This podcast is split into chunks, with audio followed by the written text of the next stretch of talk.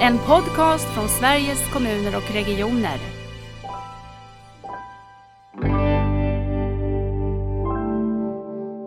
Att våra blivande vårdgivare får lära sig det under utbildningen, att se patientföreningarna som en resurs.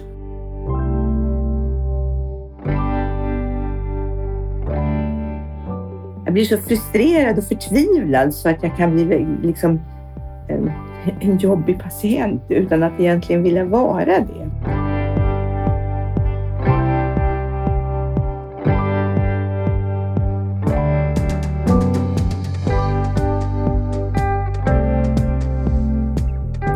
I början av året så hade jag förmånen att få vara med vid lanseringen av en ny patientföreträdarutbildning som Funktionsrätt Sverige har tagit fram.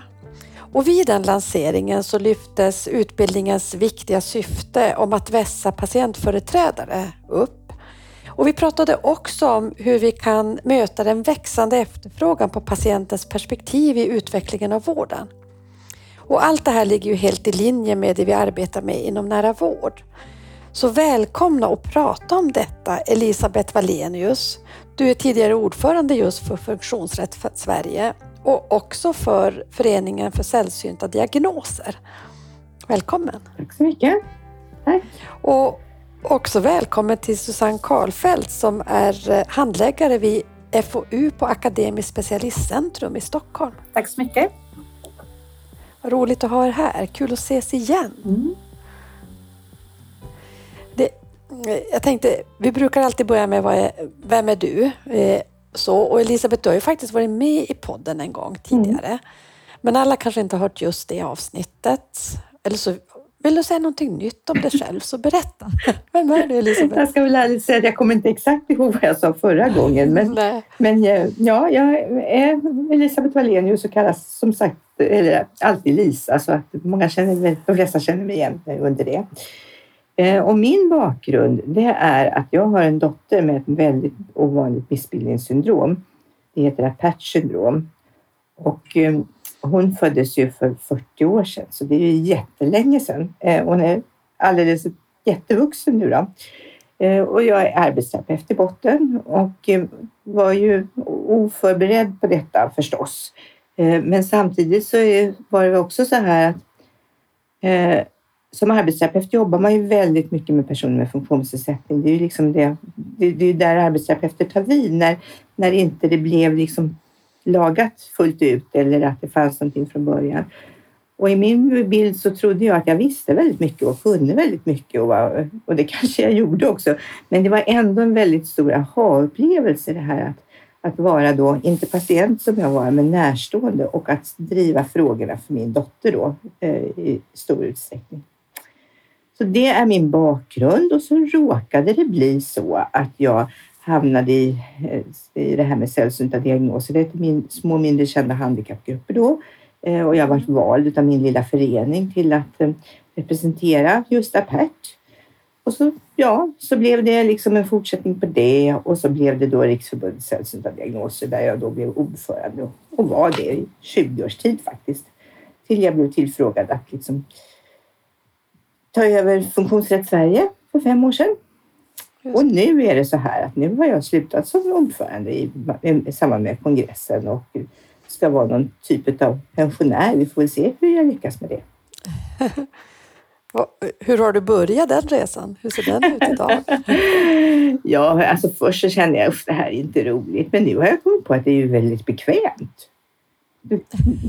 Det som är svårt med pensionärslivet det är det där att hålla ordning på det man ska göra. Eh, för man är liksom så, tänker att ja, men jag är så ledig. Liksom, så, ja, men jag ska träna på det också. Och sen är det ju Har rätt någon... tid att bli pensionär när det är maj, juni, juli, augusti. Ja visst, det förstår jag verkligen. Härlig sommar ute. Har du någon roll kvar alls i någon av föreningslivet? Mm. I, i, eh, jag kommer att fortsätta ha ett visst ansvar för just eh, den här utbildningen. Eh, har jag tänkt mig och jag har fått styrelsens godkännande utav. Så att, jag kommer fortsätta jobba med patientföreträdarutbildningen. Framför allt att marknadsföra den och att liksom stimulera att människor går den och att vi på något sätt ökar insikten i vad är det att vara en patientföreträdare. Eh, och så. Så att, eh, Spännande, det ska vi prata mer om vad ja, det är. Ja, det får vara lite som en nästan cliffhanger. Men Susanne, vem, vem är du? Ja, jag är inte pensionär än. Jag ska inte säga tyvärr, men eh, jag jobbar som du sa också som handläggare inom forskning och utveckling inom en organisation som heter Akademiskt specialistcentrum.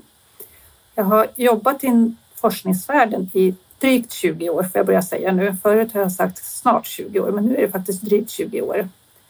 Ehm, och det är de senaste 8-9 åren som fokus har blivit mer och mer inriktat mot just det här med, med patientsamverkan. Ehm, från början då lite mer fokus på inom forskning, men varefter åren går och vi lär oss mer och mer så att patientsamverkan i alla delar egentligen av, av vård och forskning och verksamhetsutveckling. Eh, så även om jag har jobbat i väldigt, väldigt många år i området så är det här just med med att få in patientrösten på olika sätt. Det är relativt nytt, även om det är då som sagt 8-9 år nu kanske. Just det. Du säger forskningsvärlden, att du var det på vilket sätt i forskningsvärlden har du funnits? Ja, då, 2013-14 där någonstans tror jag att det var som vi första gången på riktigt involverade en så patient research partner i eh, ett stort eh, EU-finansierat eh, forskningsprojekt som jag var med i. Så därav att det var just forskningsfokus på patientsamverkan, att vi skulle ha med en, en var det då, det är det inte längre, utan minst två har vi lärt oss under tiden. Ehm, och det som har varit spännande under den här tiden, det är ju vilken otrolig utveckling det har varit och synen på vikten av att ha med eh, patienter och patientrepresentanter, patientorganisationer i, i alla delar av vård och forskning. Mm. För det tyckte jag var så eh, roligt. Vi hade förmånen att stå vi tre i samma panel mm. bredvid många andra väldigt duktiga personer också, ska jag säga, på just ert webbinar eller seminarium där Elisabeth. Eh, men jag tyckte det var så roligt att se just eh, både rörelsen funktionsrätts eh, vad ska jag säga, kan jag säga ansvarstagande Elisabeth av att ta ansvar för att också skapa utbildning och, och mm. rusta sina medlemmar. Mm. Ja. Men också perspektivet du hade Susanne på hur man gör det här i en vårdvärld. Mm. Mm. Mm. Eh, Susanne, du eh, är inte bara solbränd på näsan utan eh, nu är ju det här podd som man ser inte oss men eh, du sa någonting om något torp eller något landställe. Är det där du tillbringar din fritid? Det är där jag är så mycket jag kan och det är där jag eh, försöker hänga i den mån jag kan. Absolut ett, ett litet hus i eller ja, ganska stort nu, det har byggts på i Roslagen. Mm. Som byggdes en gång i tiden av mina föräldrar och nu lever vidare efter några generationer. Mitt smultronställe. Mm. Ja.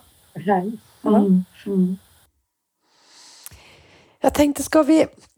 Eh, ska du börja Elisabeth med att berätta lite kanske varför en patientföreträdarutbildning? Mm.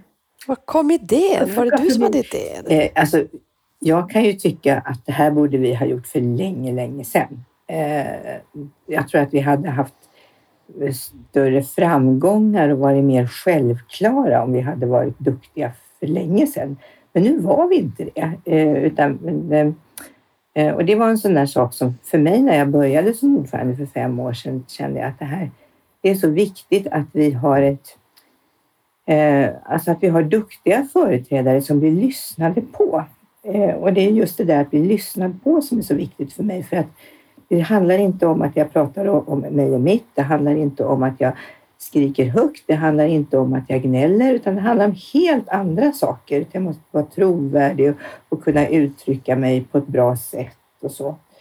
Eh, och sen är det ju också så här att för mig, och jag tror de allra flesta hos oss eh, inom funktionsrätt nu har blivit mer liksom, samspelta och inser att vi har så olika förutsättningar beroende på om vi har en, en diagnos som är väldigt stor och det finns många som så att säga har den, eller om det är en diagnos som är väldigt liten eh, och, och att man då liksom inte blir hörd på samma sätt.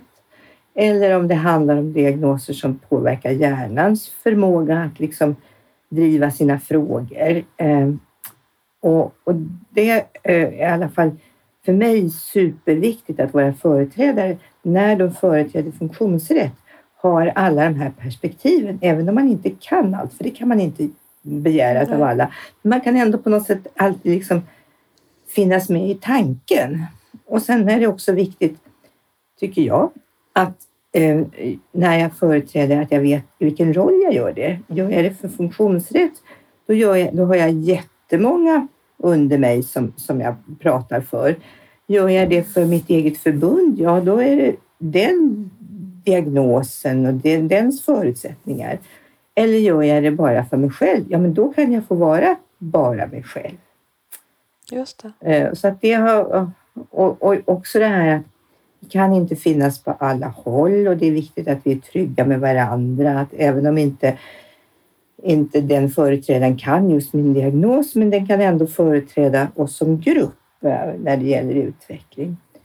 Så det är, eh, ah, var mitt, min bakgrund och mitt initiativ till jag tyckte att det här var jätte, jätteviktigt.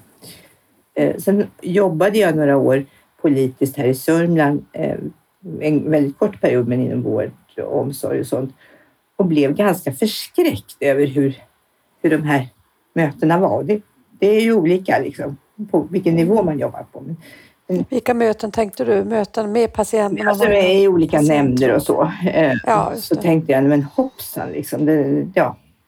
Därför att om jag har en, eh, en sjukdom eller en diagnos så är det väldigt lätt att jag blir så eh, jag blir så frustrerad och förtvivlad så att jag kan bli liksom en, en jobbig patient utan att egentligen vilja vara det. Men alltså det, mm. jag känner, och jag blir inte lyssnad på. Eh, och då, eh, hur gör jag då? Liksom? Så det, det är viktigt i det här sammanhanget. Jag tyckte det var intressant, det du sa Susanne om att du ser att det ändå eh, det har som hänt någonting nu. Det, det, är nu eller för ett antal år sedan är det faktiskt nu som, som det här att förståelsen av vilket mervärde vi får i samskapandet. Tror du Elisabeth att det också har spelat roll? För du sa att det här skulle ni ha gjort för länge sedan, men ibland tänker jag sådär att saker och ting, det har ett, det är en anledning att saker och ting sker när de sker. Det finns någon typ av mognad att hur tänker du kring det och känner du igen Susannes beskrivning av att det ändå skett något nytt? Eh, och, och visst är jag väl medveten om att man efterfrågar patientföreträdare i stor utsträckning. Eh, och, och, att det, det hade hänt. Liksom. Och det är ju många som då har gått före. Eh, men det var ju också det som gjorde att vi var flera förbund som kände att det är viktigt att vi väljer våra företrädare och att vi har tillräckligt bra företrädare. Att inte, inte vården eller som, som är, ja, väljer i första hand och, och att man då ja, liksom, eh, och att man har en förankring, att jag inte bara är min egen kunskap som i och för sig är fantastiskt viktig och, och värdefull ibland. Eh, men att det, det får, för då är det rätt att, tror jag, att det är de grupperna som blir lyssnade på i allra högsta grad. Eh, så jag, jag, tycker det är viktigt att, vi, att alla förs fram. Liksom. Sen är det svårt. Det är mycket, mycket lättare att prata om sig själv och sig och sitt. Jättelätt. Mm, Men man måste, vi måste medvetandegöra det. Liksom, och, att, ja, och det är klart, mitt sällsynta eh, liv har ju också påverkat väldigt mycket i mitt tankesätt. Att eh, saker och ting är ju minst lika viktiga om det är få som har den här, eh, det här tillståndet. Eh, ja. För på den enskilda så är det ju kanske ännu viktigare att bli lyssnad på eh, än om jag har en, en diagnos som liksom alla vet vad det handlar om. Mm. Jag tänker Susanne, berätta lite grann om nu har du hört Elisabeth berätta om upprinnelseson. Sätt oss lite in på banan också, dels vad Akademiskt specialistcentrum är och varför jag i alla fall, och jag, det är inte bara jag, för jag vet att många blickar på er hur ni har lagt upp ert arbete och du ska i eftermiddag träffa myndigheter som är intresserade mm. av det här och så. Så att ni gör ju någonting spännande. Men berätta lite om ert arbete och reflektera gärna på det Elisabeth har berättat om. Mm. Ja, det är en fantastiskt rolig del av, av mitt eget arbete, men som då genomsyrar hela vår verksamhet. Eh, bakgrunden är jag jobbar då på Akademiskt specialistcentrum. Vi är en verksamhet inom Region Stockholm, inom SLSO, alltså det vill säga Stockholms läns sjukvårdsområde. Vi bedriver öppen specialistvård utanför sjukhusen för att bara sätta ett litet sammanhang. Och det är ju inte så som specialistvård, regionsdriven specialistvård bedrivs i vanliga fall, utan det är på sjukhusen. Så när vi startade upp 2016, Eh, då var det Centrum för reumatologi som var det första ut. Då var ett av uppdragen, ett väldigt uttalat uppdrag, att vi skulle utveckla nya arbetssätt, nya tjänster och e-hälsolösningar i nära samverkan med patienterna och patientföreträdare. Så det var ett uttalat och tydligt uppdrag som vi fick på oss där. Eh, hur vi skulle göra det, det var ingen som sa, men det skulle göras. Eh, så redan från start eh, så bildades då vårt patientråd. Det är Sofia Ernestam som då är verksamhetschef som gjorde det direkt. Eh, så att patientrådet var nog på plats före alla eller före någon medarbetare ska jag säga. Och patientrådet då, det var fyra representanter. Idag har vi 13 organisationer med i patientrådet. Ehm, så att alla de diagnosgrupper som vi arbetar med här och tar hand om är representerade med eh, distriktsföreningar, lokala föreningar, sina ungdomsföreningar. Ehm, och representanterna i det patientrådet är utsedda av sina respektive eh, patientorganisationer så de har vi inte handplockat på något sätt för att det ska vara jag säger det eller någonting utan det är patientföreningarna som utser eh, representanterna i patientrådet. Um, och vi har ju också verkligen märkt bara på de här senaste fem, sex åren då som vi har varit verksamma att det har blivit svårare och svårare för oss att få patientföreträdare till våra olika delar i verksamhetsutvecklingen. Ja. För att, som jag varit inne på flera gånger, det är, det är fler och fler som efterfrågar mm. dem. Så när vi fick höra, för vi fick ju höra då i patientrådet Funktionsrätt Stockholms län är med bland annat då, då i, i patientrådet hos oss eh, och det var där vi fick höra från början att det här planerades, den här fina utbildningen som vi nu ser. Um, så vi är ju väldigt, väldigt glada för att det förhoppningsvis nu leder till fler patientföreträdare så att vi också kan eh, få hjälp när vi, alltid, eller när vi ber om det. Mm. Så vi välkomnar verkligen den här utbildningen och eh, har kanske inte sett resultat precis ännu men jag hoppas och tror att vi kommer märka av att det, att det blir lättare och fler. Har, mm. har ni tillsammans med er patientråd diskuterat hur ni kan använda den här utbildningen? Har ni hunnit med det? Eller? Nej, vi, vi har inte haft något patientråd sedan lanseringen. Mm. har vi inte haft. Men som sagt, det här har ju varit en, en pågående punkt på, på våra patientrådsmöten och vi har följt utvecklingen. Eh, men, och många andra i patientrådet har ju också varit med eh, från då olika andra organisationer förutom funktionsrätt.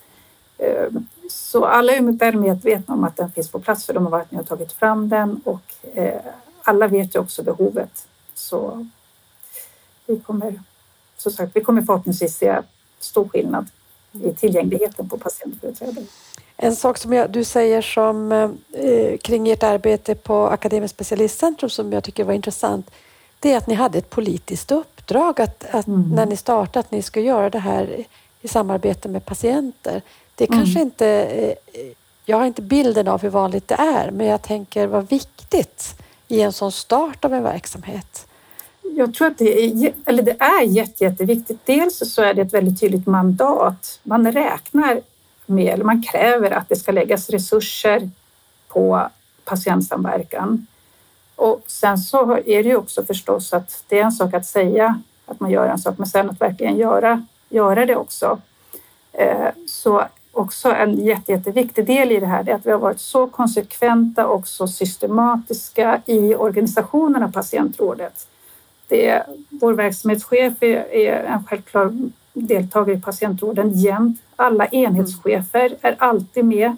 Så det, är liksom, det är inte jag som sitter där och har trevligt med mina nyfunna vänner utan det, är väl, och det dokumenteras väldigt noggrant och det distribueras anteckningar. Eh, så det, är liksom, det, det, blir inte eh, så personkänsligt om man säger så. Vem, det måste vara någon definitivt mm. som råddar det här men det måste vara tydligt implementerat i organisationen för att det inte ska vara en lite sån här one hit wonder utan att det ska det måste fortsätta och då krävs det stort stöd och som sagt förväntningar ifrån från högsta organisationsledningen att det är så här vi jobbar. För jag tänker det blir ju som att det här är en del av er led, ett ledningssystem. Absolut. Att det ska finnas och det tycker jag också parar ihop mot att man då också den här patientföreträdarutbildningen för vi tänker ju att ett ledningssystem det innehåller olika kompetenser, olika roller för att kunna göra en verksamhet så bra som möjligt. Mm. Och det är klart att den här, så tänker jag i alla fall, ni får mm. säga om jag ni tycker annorlunda, men då blir också patientföreträdarrollen en väldigt viktig kompetens in i det här systemet så tydligt och då tycker jag den här platsen för den här utbildningen känns ju väldigt eh, viktig och naturlig. Mm. Och som sagt, i och med att även enhetschefer är med på de här patientråden har också då fått höra om den här utbildningen så kan ju de också direkt ta med sig det till sina verksamheter och enheter och, och förmedla till all personal att det här är på gång och vi kommer få möjlighet att ha fler patientföreträdare. Och, så att det, är, mm. det genomsyrar hela organisationen verkligen. Mm. Jätteroligt. Jätteroligt. Mm. Och jag tänker, byter jag in, jag tänker också så här att Tidigare har det varit självklart att alla andra runt bordet har en utbildning. Eh, det är inte, mm. det är inte någon doktor som så att säga inte är en doktor, det är en sjukvård. Men, men eh, då är det ju viktigt att även om det här är bara en liten del, för det ska vi ju ändå erkänna att jag menar, det är ju ingen eh, högskoleutbildning precis, utan det är en, en, en kort utbildning. Men det är ändå viktigt att jag har någonting att stå på om jag på något sätt ska vara på något sätt jämlik i i den här konstellationen. Liksom. Mm. Precis, det var det jag lite tänkte, att det är ett ledningssystem. Då har vi våra olika kunskaper in och rätten att kunna få bli klädd i de kunskaperna med mm. hur rollen ser ut. Elisabeth, berätta lite grann om, om du skulle säga, den här utbildningen är uppbyggd i block vad innehåller den? Vad är det som man som patientföreträdare behöver få kunskap i eller få insikter om? Eller? Ja, det är ju eh, flera block, eh, men bland annat så handlar det ju också om, om vårdens förutsättningar. Vad kan jag ställa för krav och vad kan jag inte ställa för krav? Eh, och hur så att säga ser den ut? Därför att, eh, och det tror jag faktiskt är en jätteviktig del som man inte alltid tänker på. Eh, eh men, och det handlar ju då om att förståelsen för varandra. Liksom. Eh, både eh, professionens förståelse för mig som är patientföreträdare och min förståelse för professionens möjligheter helt enkelt. Sen pratar vi om, om man berättar vår historia, liksom hur, ska, hur ska jag lägga upp det samtalet och hur ska jag förklara det? Eh, för att, eh, att det ska bli bra. Liksom. Och återigen, det där som jag alltid tjatar om, att bli lyssnad på. Det är liksom det som är förutsättningen, annars så kommer jag inte vidare. Eh, sen är det ju så också att eh, det här är ju... Eh, vi, jag tänker inte att den här utbildningen ska se ut så här i alla tider, utan de här blocken måste liksom utvecklas och förändras och testas och, och enskilda eh, förbund kommer att, att kunna lägga in sina egna liksom, för just nu så pratar vi om diabetes och då kanske vi ska ha ett, ett block runt det. Eh, och sen kan den också, det är ju inte bara, på funktionsrätt så är ju vården bara en, en del. Eh, det finns ju väldigt många andra som vi företräder i skolfrågor och i alla andra frågor. Så det är också sånt som vi ja, tänker i framtiden att vi ska fylla på. Eh, och sen har vi också lyckats med ett samarbete med ABF här som liksom, eh, så att vi kan använda den här utbildningen på lite olika sätt. Dels att jag går digitalt alldeles själv eh, och dels att jag eh, gör det som en studiecirkel och att vi kanske inte här, här i, i den här lilla orten kanske vi går, inte alls är så digitala utan vi träffas fysiskt. Och så, så att, eh, ja. Vad intressant, för det tänker jag, har jag tänkt mycket då, hur vi har egentligen alltid när vi har byggt, eller alltid, vi har haft väldigt mycket av folkbildning och, och studieförbunden som en viktig motor i, i vår uppbyggnad av samhället. De har spelat en stor roll genom åren. Att ni använder också studieförbund tycker jag är ett eh, intressant grepp att göra. Och det har, eh, jag uppfattar, nu har jag inte jobbat på så nära då, men Men att det har varit en, en stor glädje för, i det här samverkan. Liksom. Mm. Eh, och studieförbunden behöver ju också lyftas upp och är, i den tid vi har lite hotade också. Så det är viktigt att vi mm. talar om hur viktiga de är. Mm. mm. mm. Men som sagt, eh, nu fick jag inte med alla moduler, men det kan man gå in och titta liksom på. Vad, eh, men, men det, som, det som för mig är viktigt, det är att man eh, förstår vårdens förutsättningar eh, för att kunna prata med vården på så sätt. Eh, och jag förstår eh, mina, alltså vad, vad, kan jag påverka, vad kan jag inte påverka, vad är möjligt och vad är inte möjligt. Så det är viktigt. Och det är viktigt att jag kan berätta på ett, ett sätt som blir bra helt enkelt. Eh, och sen att jag, jag vet, eh, i det här sammanhanget företräder jag många olika. I det här sammanhanget företräder jag bara min egen diagnosgrupp eller funktionsnedsättning. Och nu företräder jag bara mig själv. Liksom. Och då är berättelsen så olika. Mm. Och sen en annan sak som är jätteviktig som jag hoppas vi på ännu.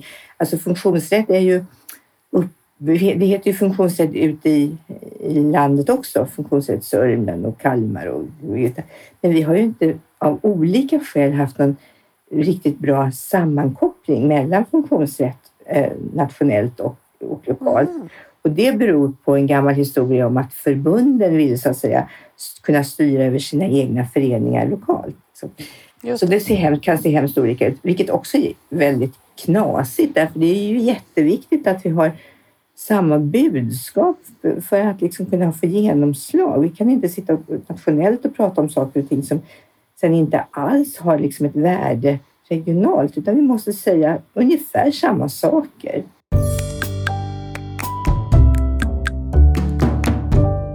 För det, det, tänker jag när man kopplar till er verksamhet Susanne, att det är ju precis så. Det är ju, det är ju en sak Elisabeth, vi kan mötas på den nationella arenan.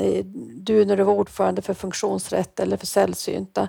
Men den riktigt stora utvecklingen av vården sker ju inte nationellt, den sker ju, den sker ju lokalt i regioner och i kommuner. Mm.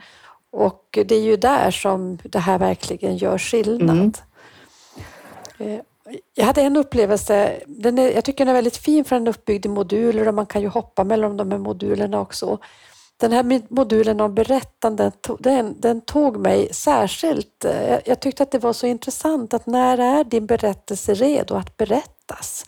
Ni hade Mark Levengood med, eller ni har mm, Mark Levengood som, som pratar om, eh, om just det där att man kan ju bära sin berättelse men man kan testa lite själv om den egentligen är redo för att att användas i, offent, alltså mer i, i sammanhang med andra eller om mm. den kanske inte riktigt ännu har landat i mig själv. För det kan ju vara smärtsamma berättelser, mm. svåra mm. berättelser mm.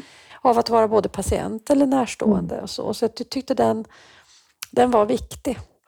Vad tänker du? Vad har du fastnat för Susanne? Om jag får ta berätta lite hemligt så att vi har snott lite grann idén just när du nämner överberättande. Jag var inte helt säker på att jag skulle ta upp det men nu, Gör det. det blev ju sån inbjudan. Ja. Vi här på Akademisk specialistcentrum så jobbar vi ju uppenbarligen med patientsamverkan på många olika nivåer, framförallt i patientvårdet. Men vi har också då patienter som är här i egenskap av sig själva mm. och sin egen diagnos och sin egen historia som träffar eh, våra studenter. Vi har ett stort utbildningsuppdrag också här så att vi har studenter inom alla professioner. Och ett obligatoriskt eh, utbildningsmoment här då är att de sitter ner och träffar en patient under en och en halv timme som berättar sin historia helt enkelt om hur det är att leva med en kronisk sjukdom. För det är tråden, det, det är kroniska sjukdomar. Mm, ja. Och sånt här som liksom det aldrig finns plats för vare sig ett vårdmöte eller under själva utbildningen. Och då har vi kanske tipsat lite om just den modulen. den här berättande. Jo, men alltså hur, ja, men hur, och det tycker jag också är så fint med den här utbildningen. Att det, det har ni sagt också, att vem som helst får ju faktiskt gå den egentligen. Mm. Så. så då har jag tänkt att då är det okej okay att vi kanske tipsar lite om just i det här sammanhanget när man ska berätta sin egen eh, historia mm. Eh, så kommer den också till jättestor hjälp. Mm. Verkligen. Det finns ju liksom ingen anledning att det ska vara en, en utbildning som är stängd. Liksom att det, utan, eh, jag menar, det handlar ju om att, att vi ska samverka överhuvudtaget och, mm. och då är det bra om så många som möjligt går utbildningen. Eh, sen är det jag jag tänkt... extra värdefullt det här att man gör det tillsammans. Eh, jag, mm. jag tror att eh, man lär sig mer utav tillsammans än att själv sätta sig framför datorn. Det, mm. det är ju inte så att det är någon... någon eh, alltså, du klarar inte utbildningen utan alla klarar ju utbildningen och, och, och så. Vi har in, inte den kontrollen liksom. Eh, och ska inte ha det heller. Utan det, det här är precis vad det är. Punkt. Mm. mm. För jag tänkte också det här tillsammans och jag tänkte att eh, det skulle mycket väl kunna användas av Ja, men ett patientråd där man alla, både patienter och uh, chefer, går utbildningen mm. ihop. Jag, så mm. tänker jag när jag ser mm. utbildningen, att den går också att använda för den grupp som ska. Det kan vara kunskapsstyrningen som jobbar med någonting där man har vi är många olika kompetenser, vara patientföreträdarrollen är en kompetens och att man ändå på det sättet får en plattform som ser likadan ut. Så jag, jag tänker att den har nog många användningsområden. Mm. Susanne, du sa det här att ni har uh, gör annat än ett patientråd också. Eh, och då har ni det här spännande utbildningsuppdraget och där ni är inne patienter. Vad gör ni mer eller fyll på kring det? Vad gör vi mer? Jo, det, det är, jag har ju så svårt många gånger att förklara saker som för oss är så självklara. Eh, men, förutom just det jag berättade nyss, att vi också en, eh, vi har en studentvald kurs på läkarprogrammet eh, som heter digitala tjänster och e-hälsa ur ett personcentrerat perspektiv. Och där är också patientrepresentanter med i flera moment. De ingår i grupparbeten när man ska ta fram en ny tjänst. Och då ingår patientrepresentanter i den här gruppen med studenter och en vårdgivarrepresentant Eh, under hela kursens gång. Eh, de här studenterna är också med på ett patientråd, vilket också har varit jättegivande för många av de här studenterna, eller faktiskt de allra, allra flesta har aldrig förstått vilken otrolig resurs patientföreningarna är. Alltså det finns ju så otroligt mycket eh, som patientföreningarna kan stötta upp patienterna med som inte hör hemma kanske i vården. Alltså det, det görs bättre i en patientförening det här med socialt stöd och rättigheter och allt möjligt sånt där. Så att, att våra blivande vårdgivare får lära sig det under utbildningen, att se patientföreningarna som en resurs känner vi har varit ett jätteviktigt budskap i, i just den kursen.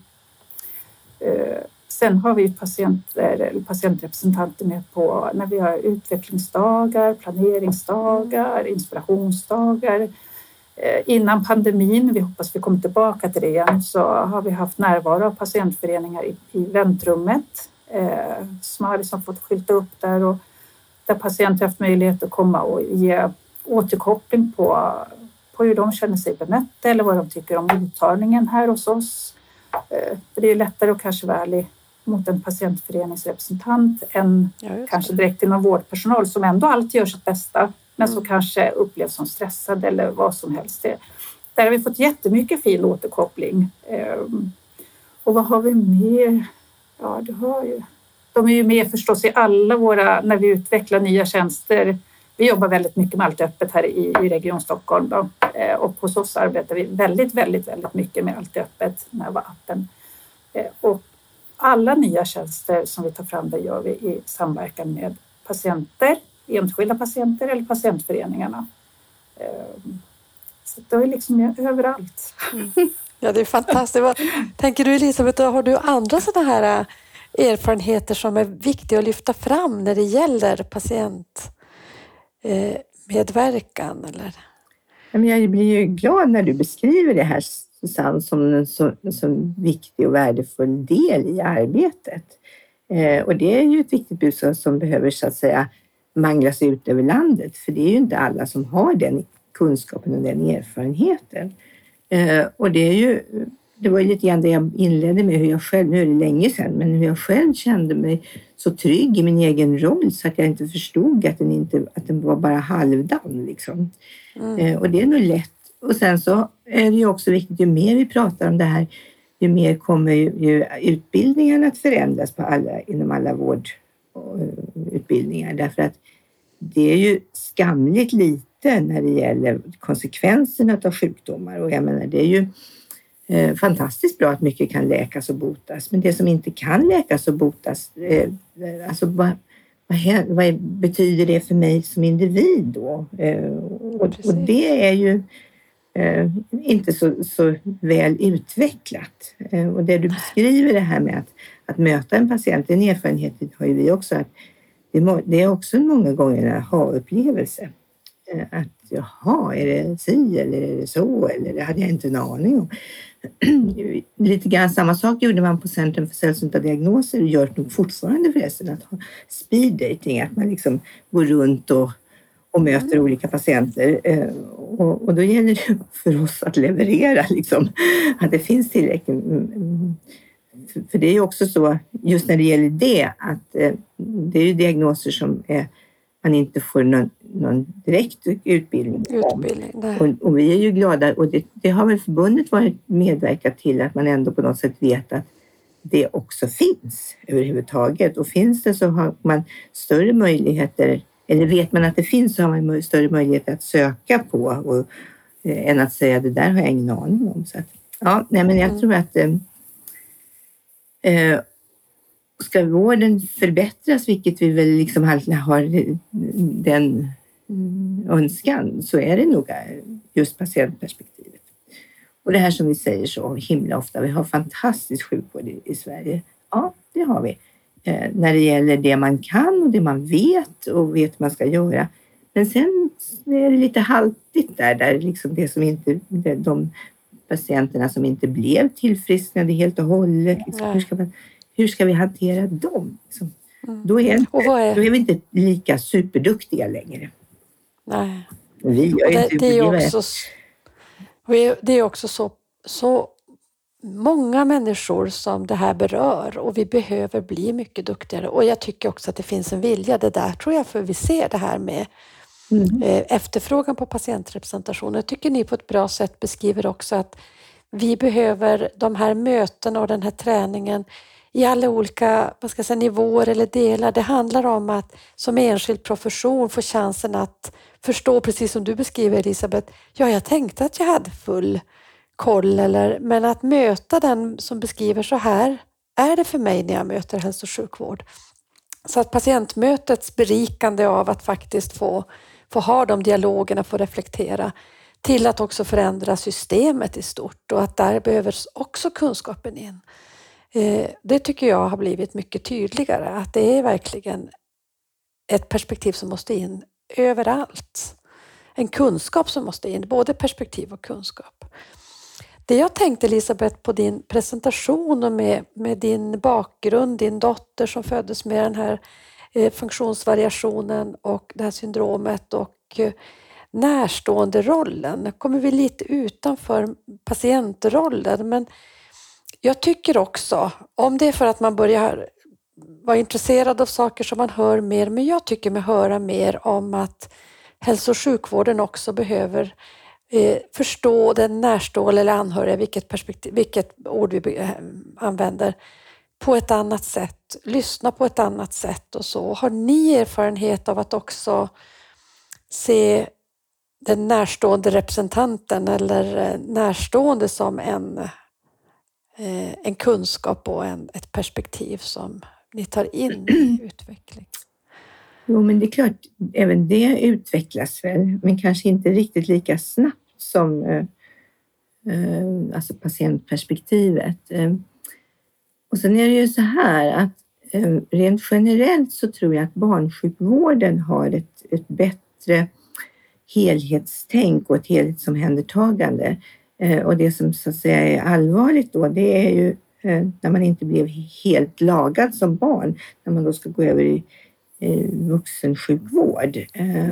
Och då är man helt plötsligt inte med som närstående och det har vi diskuterat jättemycket. Liksom, hur, hur det, och i mötet efter det här så ska jag in till det nagget som handlar om vuxenhabilitering som är jätteviktigt och ett område som också jag brinner för därför att eh, det är liksom så undanskymt med vuxenhabilitering. Nu handlar det inte bara om vuxenhabilitering utan det handlar om, om eh, övergången från barn till eh, vuxenvård överhuvudtaget, men det är ju stort fokus på habiliteringsbarnen. Liksom. Eh, och eh, alltså det är ju ett område som jag skulle verkligen önska att man höjer statusen och ser, för det är ju ett superviktigt område. Det är de grupperna som kanske har det största behovet av ett, ett väl omhändertagande, eh, men där det inte fungerar särskilt väl, måste vi erkänna. Eh, och, och just det här med hur ska primärvården klara av att hantera den gruppen människor som man har så lite förståelse för. Och, förstå, eh, så att, eh, och där borde vi utveckla vuxenhabiliteringen som ett stöd på samma sätt som alla andra specialister runt eh, som nu ska finnas med i, i nära vård som mm. stöd för, för primärvårdsdoktorn. Mm. Och, och, ja, det är min önskan verkligen att, att vuxenhabilitering blir mer likriktad över landet och att den har större resurser och större status. Och, och också eh, på sikt bör det nog finnas läkarkompetens inom vuxenhabilitering. Det är ju inte det. Eh, inte alltid och det är inte självklart och man bygger det på olika sätt. Eh, det finns duktiga eldsjälar men det finns också eh, ja, lite, lite långsamt lull inom den gruppen tycker jag. Eh, så att eh, ja, jag vet inte, var det där svar på frågan Lisbeth? Det var ju väldigt, väldigt viktigt perspektiv att ha in och då tänker jag sådär att eh, för, för en del personer som finns inom vuxenhabilitering så har ju också den närstående en viktig roll mm. och att den närstående också kan vara med och forma verksamheten. Mm. Sen finns det ett annat perspektiv tycker jag på närståendefrågan. Det är ju också att, att det kan ju också följa både stress och oro och eh, det behöver ju inte bara vara till personer som har en medfödd eh, funktionsnedsättning utan man får en närstående som är svårt sjuk eller mm. får en kronisk sjukdom som också påverkar hela familjen och att vi har haft ganska litet intresse och förståelse för, för den bilden. Mm. Susanne, möter ni det inom era... Eh, nu har ju ni, ni har bara vuxna, ni har inte barn i er verksamhet va? Har ni barn? Precis, det är ett, vuxen, mm. ett vuxenuppdrag. Men just i och med att vi jobbar med kroniska sjukdomar, kroniska diagnoser, så i allra högsta grad så är det en närstående sjukdom också, verkligen. Mm. Här har de en partner eller en förälder eller ett barn som ska leva med sin sjukdom eh, länge, kanske för alltid. Eh, så att absolut, det, det ser vi. vi har ju anhörigträffar och så, men det vet jag att andra också har. Men eh, mm. Mm. håller helt med Elisabeth där att det behövs mer fokus där också. Mm. Och det är också så som man kanske inte riktigt inser och förstår att ofta som närstående så får man driva frågor och man, alltså väldigt, väldigt hårt. Mm. Till och med att man så att säga hamnar i rättsliga processer mot Försäkringskassan mm. är inte ovanligt.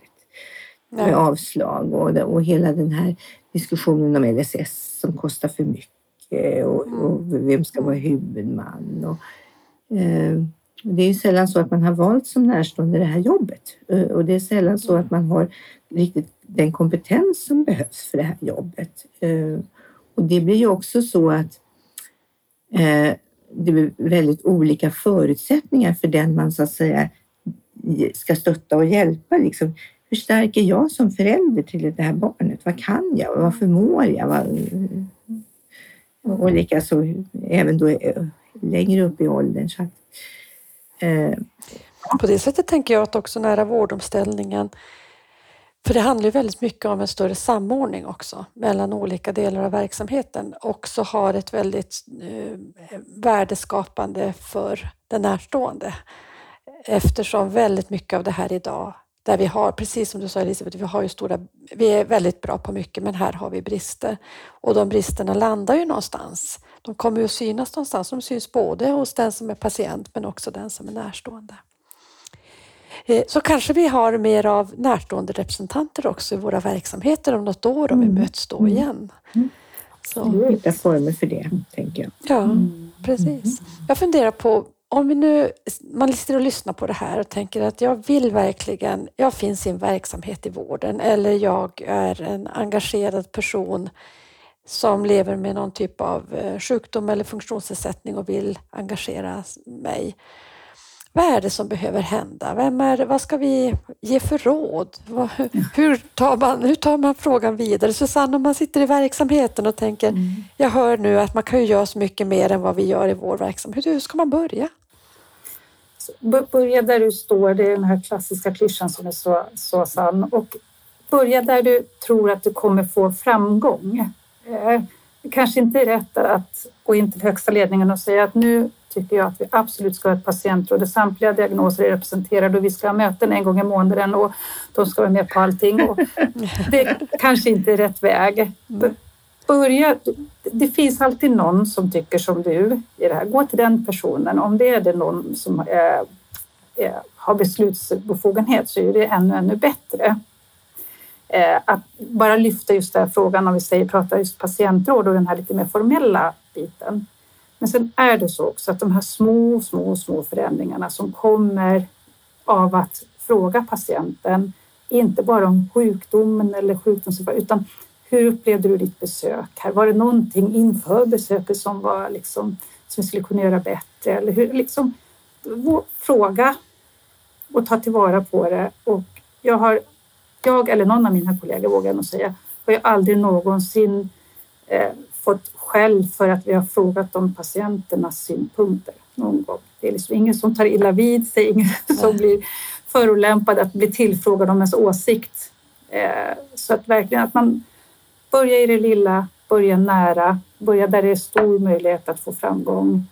Eh, för att det kommer ju inte gå på en dag, så är det.